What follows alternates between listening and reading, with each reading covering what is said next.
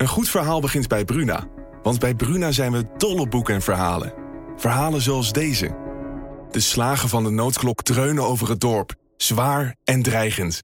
Ze overstemmen de gemoedelijke drukte op de markt. En alle handelingen vallen stil. Wat zou er aan de hand zijn? vraagt Oda ongerust. Wil jij weten hoe dit afloopt? Je leest het in Bloedlijn van Simone van der Vlucht. Nu bij Bruna.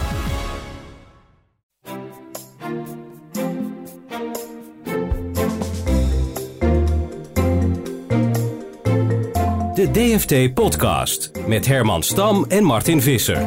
Ja, Martin, uh, eigenlijk is maandagochtend. Eigenlijk hadden we gepland om uh, door te gaan praten over het uh, pensioenakkoord. de FNV heeft nu ook ja gestemd en dan wilden we gaan uitleggen hoe dat nu allemaal verder gaat. En in, in die regiegroepen, nou, de, de, Eerste en Tweede Kamer moeten erover stemmen.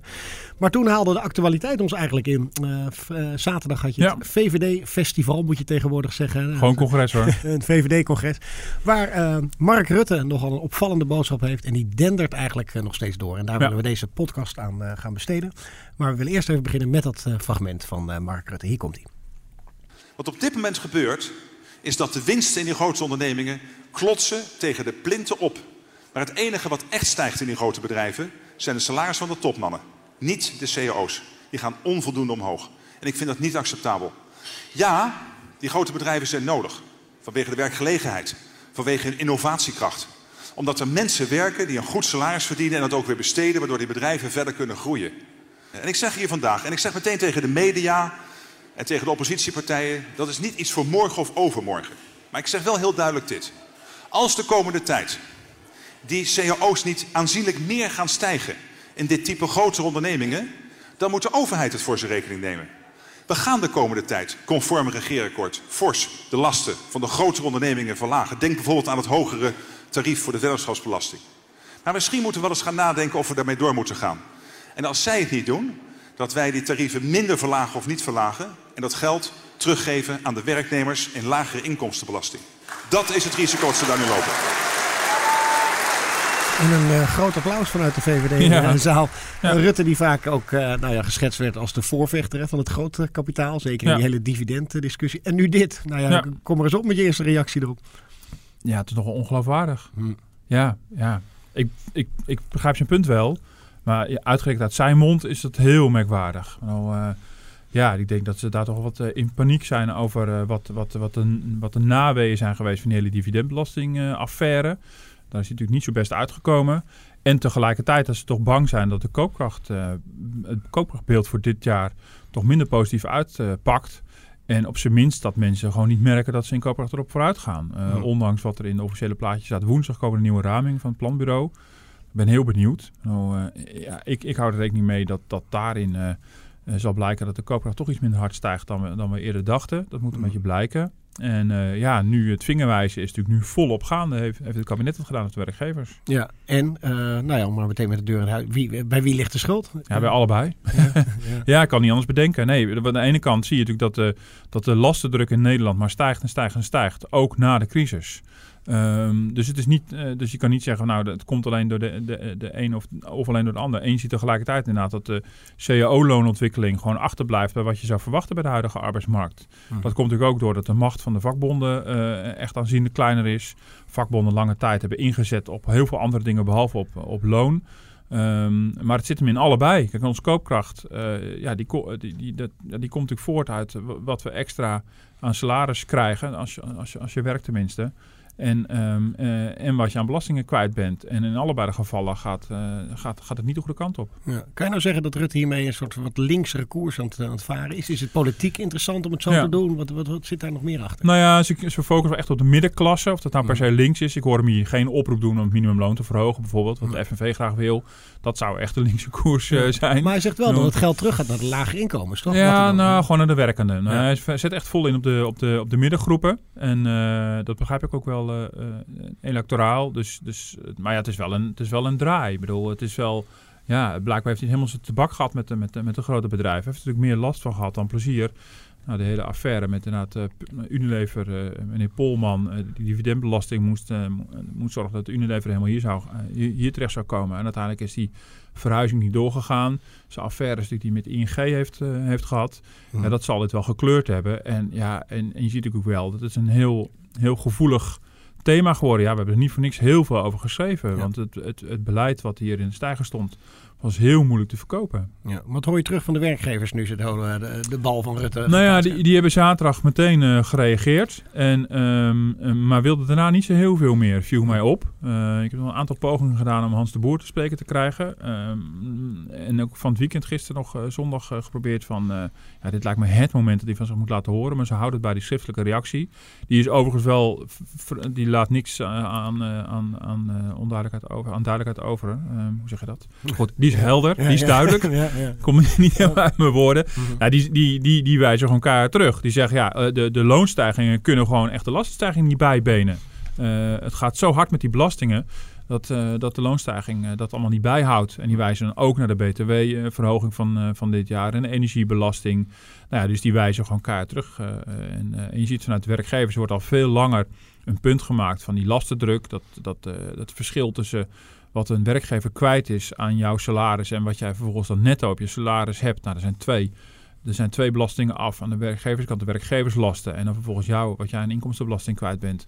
En beide, beide vormen van lastendruk die, die, die stijgen maar. Dat is een nummer wat Hans de Boer al heel vaak heeft gemaakt. En terecht uh, lijkt me. Mm-hmm. um, ja, en dat weet het kabinet niet, niet te veranderen. En dat verkopen ze als lastenverlichting. Maar als je gewoon op lange termijn kijkt uh, ja, neemt de lastendruk alleen maar toe. Ja, nou hadden we onlangs uh, dat verhaal van de AWVN, dat is een werkgeversvereniging. Ja. En die vertelde van ja, uh, de CO-verhoging zit al op 3%. Ja. kan je, is dat genoeg? Nou ja, het, het, punt is, um, dat is misschien voor die bedrijven nou, voorlopig even genoeg. Dus het zou misschien zelfs hier en daar wel meer kunnen zijn. je ziet wel her en der ook al echt goede CO's afgesproken worden. Bijvoorbeeld bij Tata is er wel een, ook een groot bedrijf, uh, slot van rekening. Uh, grote multinational, uh, ook een, uh, nou, een vrij goede CEO afgesproken zien worden. En je ziet wel vrij recent, hebben we ook, ook over bericht, dat in de laatste paar CEO's het echt al wat beter wordt. Maar ja, als je gewoon kijkt van wat doet dit voor heel werkend Nederland, moet je gewoon kijken naar de gemiddelde CAO-ontwikkeling. Dus inclusief alle CAO's die al, die al liepen. Mhm. Um, ja, en dan, dan blijft het allemaal heel matig. Dus dan, dan koers op de CBS-cijfers. En die, de AWVN kijkt dus steeds, die, die brengen heel keurig in kaart op de website wat doen de, de cao's die de afgelopen maand zijn afgesloten? En dan kan je de trend uit ontdekken. Nou, die trend is, gaat omhoog, dus dat is gunstig. Maar het is nog veel te weinig om, om het algehele loonniveau op te krikken. Dat mhm. blijft echt achter. En het zorgelijke is dat... Uh, dat uh, de, de loonstijging ook achterblijft bij de prijsstijgingen. Uh, het Centraal Planbureau had voorspeld dat de lonen dit jaar harder omhoog zouden gaan dan de prijzen. En het omgekeerde gebeurt. Ja. Dus ik ben echt heel nieuwsgierig ook naar die raming van woensdag. Ja, gaan we zo uitgebreid verder ja. op in. Op, ook op die btw-verhoging. eerst eventjes, wat, wat is denk je de, de reden van werkgevers waarom ze nog niet genoeg die knip trekken? Nou ja, dat is een, een, een, een heel scala aan factoren. Dat is, de, de, heel veel economen zullen toegeven dat het best wel ingewikkeld is. Het is echt een puzzel. Um, de factoren die vaak genoemd worden zijn globalisering. Uh, in bepaalde sectoren wordt er druk geconcurreerd met goedkope Chinezen. Maar het opvallende is wel dat het vooral in de binnenlands gerichte sectoren zijn waar de, de lonen achterblijven. Dat is echt opvallend. Dus, het is, het is, dus dit is maar, ja, of het echt, een, echt helemaal een, alles verklaart is de vraag. Flexibilisering is iets waar de Nederlandse bank met name op gewezen heeft. Uh, de mensen in een vast contract concurreren met goedkope flexwerkers in allerlei vormen, ook ZZP'ers en dergelijke. Ik denk dat dat een grote impact heeft. Dat is iets wat werkgevers natuurlijk echt nadrukkelijk zelf ook in de hand hebben. Die kiezen daar natuurlijk voor om, uh, om, om voor de goedkoopste route te gaan. En degene die, me, die het meeste flexibiliteit bieden. Koolmees probeert daar, minister probeert daar nu ook iets aan te doen door flexwerk duurder te maken. Um, dus dat speelt een rol. Nou, ik noemde al even de macht van de vakbond. Dat is echt een belangrijk uh, issue. Niet, niet specifiek Nederlands. Dat speelt in heel veel westerse landen. Um, ja, en ik denk dat in Nederland natuurlijk... Ja, we zijn bijna verslaafd geraakt aan die, aan die loonmatiging. Sinds mhm. het akkoord van Wassenaar van 82 uh, zijn ook onze vakbonden zo gedrild... En zie je dat ze heel veel andere dingen veel belangrijker zijn gaan vinden. Ze maken hele dikke CO-boekjes van 100 pagina's en meer. En weet ik wat er allemaal geregeld wordt aan verlofregeling en, en, en Joost mag weten wat allemaal. Oude lullendagen. En, uh, maar uiteindelijk willen mensen gewoon poen. Ja. Bedoel, al die andere dingen zijn ook belangrijk hoor. Maar, maar dit is wel het moment dat er gewoon poen moet komen. Bedoel, het gaat hartstikke goed met de economie. En het, is gewoon, ja, het begint echt maatschappelijk onverantwoord te worden om, om uh, ja, om die welvaart niet op een gegeven moment ook met werkend Nederland te delen. En dat is wel Mhm. wat, nu, eh, wat nu gebeurt. Mij viel heel erg op, eh, vanochtend was eh, de voorzitter van de Unie, dat is een kleinere vakbond aan het woord. En die wees eigenlijk ook naar Rutte van ja, we, we proberen het heel goed in die CO-onderhandelingen, maar het kabinet moet gewoon die lasten Ja. gaan verlagen. Nou, je ziet vakbond de Unie.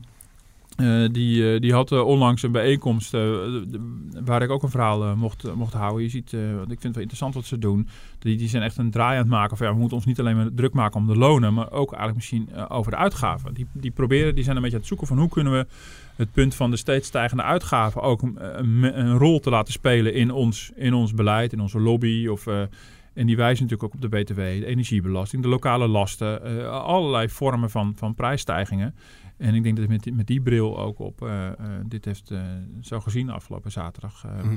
En dat is, dat is gezegd van ja, wij doen hard ons best om die lonen omhoog te krijgen. Ehm, maar ja, als aan de andere kant, als die prijzen en die lasten zo omhoog gaan, ja, dan is het water naar de zee dragen. Je noemt één punt niet van die werkgevers. Denk je ook dat er nog steeds een soort angst in zit van we hebben een enorme crisis gehad. Ja, en van zeker. oh jee, eh, moet ik nu wel die, die lonen zo omhoog? Nee, dat is een terecht punt. Ik Ja. denk dat, eh, dat, eh, dat de, de, de, de, de, de, de angst voor de crisis op, op allerlei manieren nog steeds in de samenleving zit. Ook bij ondernemers. En soms heel terecht, denk ik. Ik, bedoel, ik kan me heel goed voorstellen.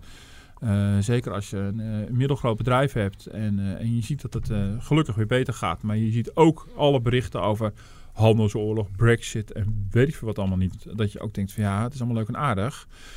Ik, ik word ook wel als ondernemer geacht om mensen weer een vast contract aan te bieden. Ehm, eh, ja, als ik dan ook nog eens een keer met flinke loonstijging moet komen.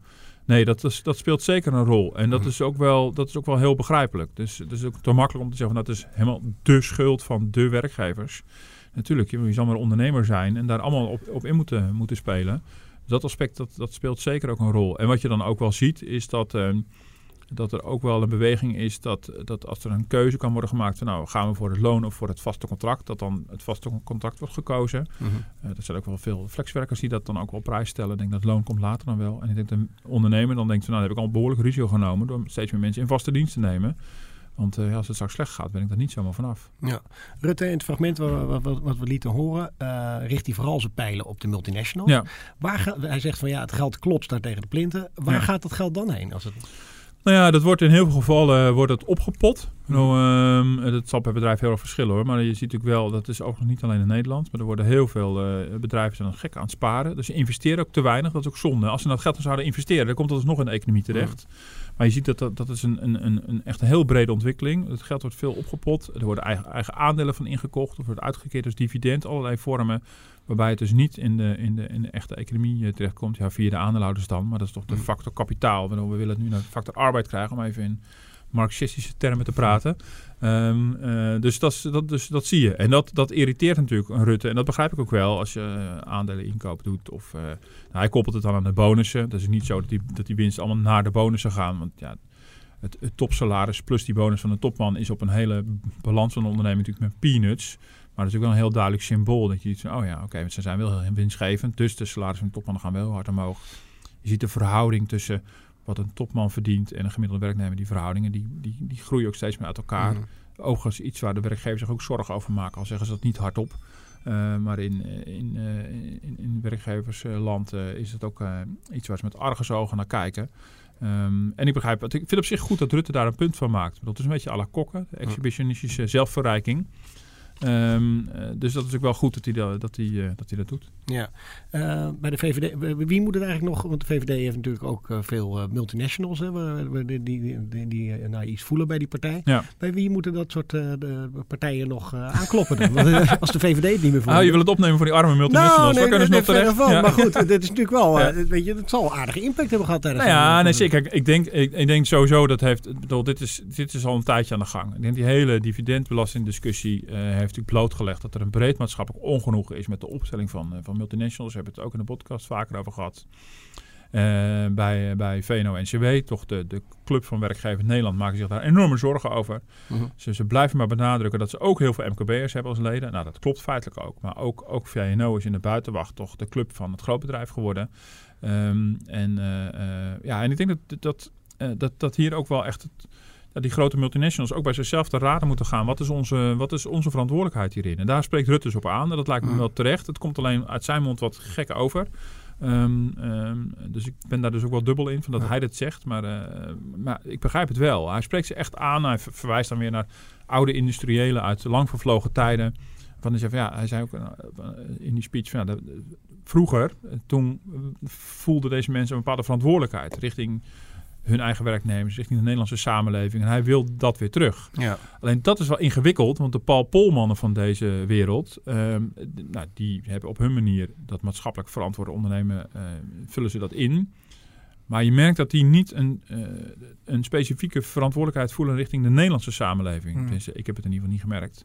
En daar spreekt hij ze wel op aan. Van jullie zijn Nederlandse ondernemers van Nederlandse grootbedrijven die dankzij ons gunstig fiscaal klimaat en ons gunstig vestigingsklimaat mede zo groot hebben kunnen worden. Je hebt een verantwoordelijkheid naar de mensen hier en naar het ongenoegen hier. Mm daar klinkt ook al een beetje Ben Verwaaien in door. Um, een oud telecom-topman die op de achtergrond uh, uh, ook een, een, adviseur van, van Rutte is. Vaak meegeschreven met de VVD-programma's. Ja, ja. ja. En um, die ook op deze tour zit, inmiddels ook wat interviews en daar heeft gegeven hierover. En, en je ziet dus die draai beginnen de grote bedrijven nu ook te maken van ja, welke, we hebben, we hebben een verantwoordelijkheid richting onze aandeelhouders, richting onze klanten, richting onze werknemers, maar misschien ook wel richting de Nederlandse maatschappij op een manier. En dat vinden ze ingewikkeld. Rutte riep hier ook weer op, ga in die talkshow zitten. Bro, En wees er niet bang dat er een, een, een, een, een cabaretier tegenover je zit die je belachelijk maakt, want dat hoort er helemaal bij. Ja.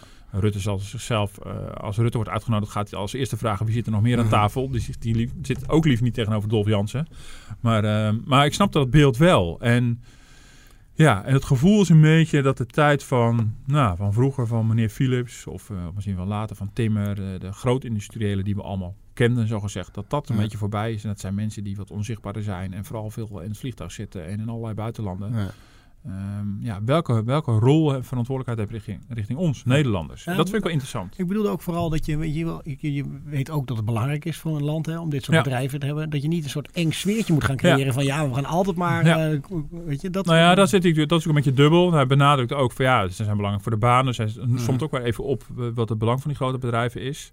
Uh, ik denk dat we dat ook weer niet moeten overdrijven. Bedoel, uh, het, het, aandeel, de werkgelegenheidsgroei bij die grote bedrijven in Nederland is, is niet echt heel erg opzienbarend. Maar ze zijn wel belangrijk voor allerlei toeleverende MKB-bedrijven. Dus je wil ze natuurlijk ook weer niet kwijt.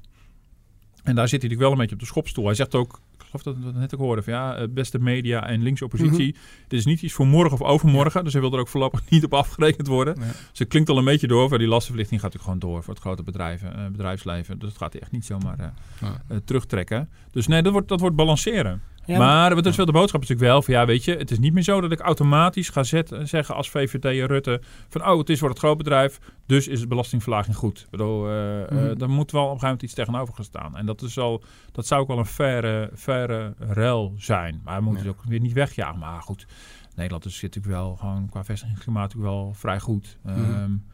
Dus ik denk dat die grote bedrijven geen klaag hebben in Nederland hoor.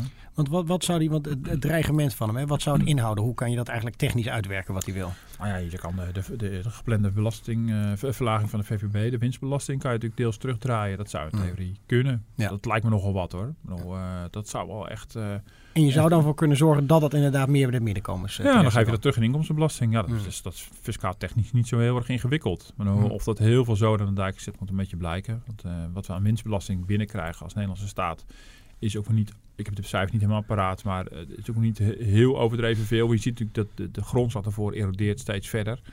Um, uh, maar goed, er wordt ook, in het kabinetsbeleid wordt ook altijd gekeken aan, aan, aan de kant van, van, van, de, van, de, van de consument, van de werkende. Van nou, hoe pakt dat uit voor, voor, voor allerlei inkomensgroepen. Maar daaraan vooraf gaat kijken ze altijd van wat gaat naar bedrijven, wat gaat naar, uh, wat gaat naar de huishoudens. Hoe is die balans? Nou, dan zou je op een gegeven moment als kabinet voor kunnen kiezen van nou, dat hoeft niet altijd meer 50-50 te zijn. Het kan ook 30-70 zijn. Of, uh, maar via de winstbelasting minder verlagen en de inkomstenbelasting extra verlagen is het zo gefixt. Ja. Nou zullen veel mensen denken van ja, dat is allemaal heel aardig uh, meneer Rutte. Maar u heeft zelf de BTW verhoogd ja. dit jaar. Ik ja. ga naar de supermarkt en dan ben ik gewoon meer geld kwijt. Dat, dat blijkt ook weer uit je berichtgeving van vanochtend, het CBS. Dat die voedselprijzen 3,8 procent uh, inmiddels uh, zijn. Vooral vle uh, vlees en vis. Ja, ja. Hadden ze dat gewoon niet eventjes moeten afschaffen? Nou ja, kijk, het kabinet heeft ervoor gekozen om de BTW verhogen, om, te verhogen. Om daarmee dus de verlaging van de inkomstenbelasting te betalen. En hij suggereert dus nu, van nou misschien in de toekomst moeten we wel de belasting bij bedrijven verhogen. Om daarmee de inkomstenbelastingverlaging te betalen. Maar er is ook een andere keuze gemaakt. En um, ja, ik denk dat, dat dit verhaal van Rutte ook daarmee te maken heeft. Hij ziet natuurlijk dat de koopkrachtbelofte onder druk staat, mede door, door het toedoen van het kabinet zelf. Door de btw te verhogen, de energiebelasting te verhogen. Um, ja, en, en die btw-verhoging uh, en een aantal van andere aspecten pakken toch wat slechter uit voor de prijsstijgingen dan ze eigenlijk hadden voorzien. En uh, nou, vanmorgen na het bewijs van 3,8% uh, in de maand mei vergeleken met een jaar daarvoor. Eh, de hoogste stijging in tien jaar tijd. Uh, ja, dat, dat hebben we volgend jaar niet meer. Want een btw-effect is natuurlijk eenmalig. Dat je dat in de prijsstijging ziet. Maar hij zit er dan wel structureel in natuurlijk. Die btw blijven gewoon betalen. Mhm. Maar uh, nee, je ziet natuurlijk gewoon heel duidelijk dat effect. Want die zie je sowieso niet meer teruggeschroefd worden, deze maatregel. Nee. Nee. nee nou, bedoel, kijk maar naar die btw-verhoging uh, van, van, tijdens de crisis. Van het hoge btw-tarief ging die van 19 naar 21. Dat was een crisismaatregel, maar wordt ook niet teruggedraaid. Mhm. En dat is natuurlijk, zo zie je natuurlijk stelselmatig dat dingen die in de crisis gebeuren um, uh, aan belastingverhogingen, die zijn niet 1, 2, 3 weer terug te draaien. En soms gebeurt het gedeeltelijk wel. Um, uh, en dat wordt dan als lastenverlichting gepresenteerd. Um, maar heel veel ja, van, die, van die maatregelen hebben natuurlijk wel hun, hun doorwerking. En ik, het is ook wel. Het, is voor een kabinet ook heel moeilijk overigens hoor, om, om, om dat ook te schetsen. Waardoor je begint dan met een regeerakkoord en dan ga je natuurlijk uit van alle staande maatregelen tot dan toe. En dan heb je gewoon te maken met de belastingniveaus op dat moment. En dan kan je zeggen, ja, we willen die en die crisismaatregel wel terugdraaien of meer dan terugdraaien. Maar dat kost op dat moment geld. Want ja, weet je, dat is, uh, uh, dat is dan je, je, je, je, je beginpunt, is dan dat hogere tarief. En dat geldt voor die BTW ook. Ja, je kan die een van beide tarieven weer verlagen. Maar dat kost ook weer zo een paar miljard. Dan moet je weer ergens vandaan zien te halen. Ja. En denk je ook vooral, weet je, we hadden het hè, over de middeninkomens, de lagere inkomens. Nou, je, je ziet dan, hè, volgens mij is het dan 25% eh, vlees en vis wat ze nog ja. uh, dan uh, kopen tref je die dan niet juist extra hard? Want misschien de hogere inkomens zullen hebben van, nou ja goed, weet je, die 3% btw-verhoging, dat uh, lap ik er wel bij. Ja, ja. Nee, zeker. Het is wel, uh, het is wel diffuus over hoe, hoe verschillende inkomenscategorieën, hoe, wat die spenderen aan, aan, aan, aan, aan, goederen van bepaalde btw-hoogtes, de lage en de hoge. De lage is bedoeld voor de, voor de, voor de algemene levensbehoeften en de hoge btw voor de luxe dingen, zeg maar. Maar het is wel zo dat mensen met, met name met een lage inkomen die geven nagenoeg al hun geld uit. En die, die besteden natuurlijk wel veel aan, aan, aan de dagelijkse boodschappen. Dus die zullen dat extra merken. En die zien mm. natuurlijk ook veel meer. Binneninkomens denk ik ook. We zien natuurlijk allemaal die energieprijsstijging. Dus nee, zeker. Dus op die manier worden natuurlijk wel ook de groepen waar, waar Rutte nu voor opkomt ook gewoon getroffen. En dat is natuurlijk onderdeel van, van, dat, van dat spelletje van wie is de schuldige. En, ja. Uh, en uh, ja, stel nou dat inderdaad blijkt dat de koopkracht... Uh, stijging toch een wat matiger uitpakt, ja, is het in Rutte's belang uh, dat wij met z'n allen gaan geloven dat dat komt door de werkgevers. Ja, exact. Ja, ja. Want, want als je die cijfers kijkt hè, van het CBS, want ik zag dat je anders was het maar 0,9% omhoog gaan als die btw-verhoging niet... Ja, uh, ja. Nee, dus 3,8 was de prijsstijging van voedingsmiddelen hmm. in maand mei ten opzichte van het jaar daarvoor. En het zou 0,9 zijn geweest door, uh, zonder btw en accijns en dergelijke. Dus dat is een enorm verschil. Uh, bij, uh, bij vlees en, vlees en, vis was de prijsstijging ongeveer 5%, bij brood ongeveer 4%. En um, ja, dat gaat natuurlijk in heel veel gevallen om, uh, is het in, per bloemkool is het centenkwestie, zeg maar. Um, dat was ook van tevoren heel vaak het argument, ja, dat merk je eigenlijk helemaal niet. Maar over je hele boodschap, over een hele week, kan je natuurlijk wel degelijk merken. En zeker ja. mensen die natuurlijk echt um, ja, gewoon goed op hun, op hun centen moeten letten. Omdat ze het niet heel breed hebben. Die houden dat heel precies bij. En die zien natuurlijk wel degelijk. De kapper wordt ook duurder. De sportschool is duurder geworden. Um, dus dat, dat heeft de afgelopen maanden flink doorgetikt in de prijzen. We hebben het hier gezien, ook met die uh, koopkrachtdag die we ja. ooit hebben gepresenteerd. Van een vrouw die vaak naar de kapper ging. Die ja. enorm uh, meer uit. Dat is volgens mij ons allebei uh, bijgebleven. ja, nee zeker. En, en, dat zijn natuurlijk mensen die, die houden dat specifiek bij. Ik, bedoel, ik heb het ook aan mijn kapper gezien. En dan, ja, dan moet je jezelf voorhouden. Oké, okay, maar er stond ook een verlaging van de inkomstenbelasting tegenover. Heb je natuurlijk in januari heb je natuurlijk voor het eerst gezien dat je van je bruto salaris netto uh, iets meer overhoudt. En dan moet je zelf gaan plussen en minnen uh, dat het dan te, per saldo beter zou zijn. Mm -hmm. Ja, hier liggen. Sowieso heb je al een probleem dat dat, dat wordt anders ervaren. Um, dat is een probleem. En, nou goed, en wat we met die koopkrachtdag ook wilden aanzwengelen van het is misschien niet alleen ervaring, misschien blijkt het feitelijk ook wel anders te zitten. En ja. dat zal de, dit in de loop van dit jaar moeten blijken als er natuurlijk steeds meer echte cijfers bekend zijn over hoe zich dat heeft ontwikkeld. Zowel de lonen als de, als de prijzen. En of de koopkracht echt wel zoveel stijgt als, als van tevoren werd gezegd. Ja, en dan lees ik uh, dat minister Carola Schout dat allemaal nog uh, lang niet genoeg vindt. Want we moeten nog meer gaan betalen voor ons voedsel. volgens de minister van Landbouw. Ja, zeker. De vis moet nog duurder worden betaald. En, of vooral het vlees geloof ik in dit geval. Ja, dat is nog een ongelukkige, ongelukkige timing op zijn minst. En... Um, nou is haar centrale boodschap geloof ik niet de prijs moet omhoog. Maar zij, zij staat een duurzamer landbouw uh, voor. Waar, nou ja, waar op zich misschien wel iets voor te zeggen valt. En zegt ook, ja, in, als je kijkt over een aantal decennia, zijn we in de loop van die decennia in, uh, relatief steeds minder gaan betalen voor onze, onze voeding. We zijn een, kleiner deel van onze totale budget kwijt aan, aan voedingsmiddelen.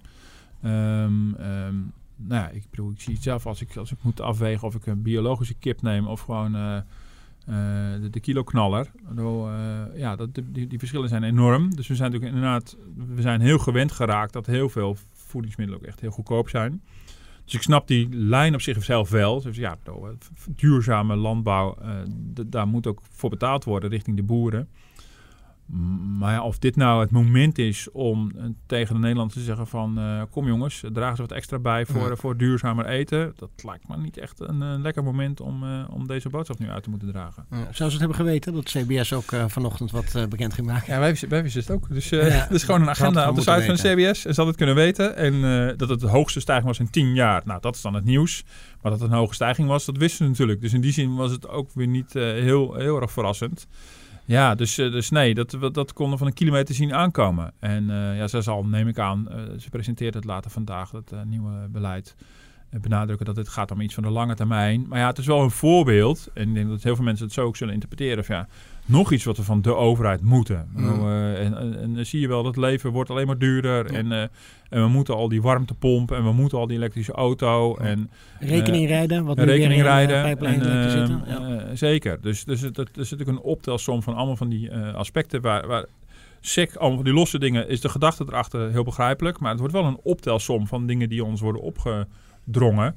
Dus zo zullen heel veel mensen dat ervaren. En ja, en als los nieuwsbericht valt het natuurlijk heel raar op het moment dat je ziet dat die prijzen net stijgen. Ja. Dus uh, ja, je ziet dat, dat zulke maatregelen dus ook steeds moeilijker te verkopen worden.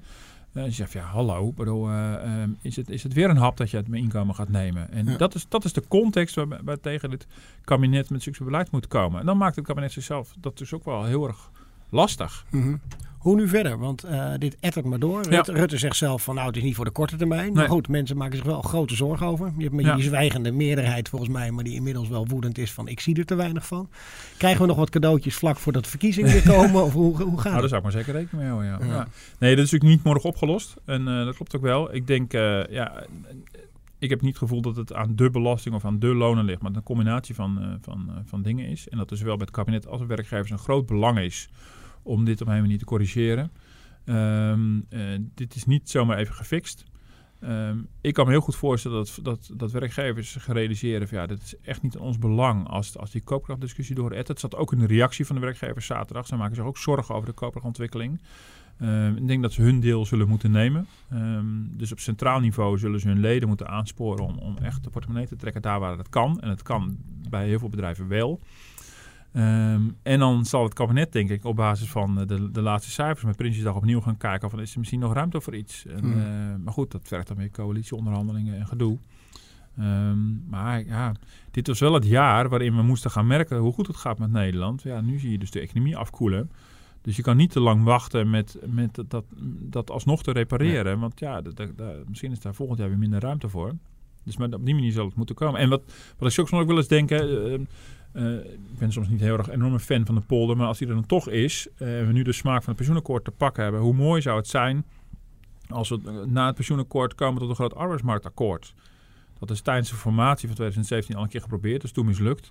Maar idealiter, als je kijkt naar de, naar, naar de problematiek op de arbeidsmarkt, zou je een soort ja, een deal moeten maken tussen kabinet, werkgevers en werknemers over flexwerk, ZZP'en. Maar de fundamentele oplossingen. En mm. niet even een verplichte verzekering van ZZP en een pensioenakkoord moffelen. Maar ja. gewoon fundamentele oplossingen van hoe gaan we nu om met, met de vaste contracten. Door, mm. Moeten die wat minder vast zijn? Hoe gaan we om met flexwerk, ontslagrecht, ZZP? En daar kan de lonenontwikkeling ook een rol in spelen. Een soort omgekeerde akkoord van Wassenaar.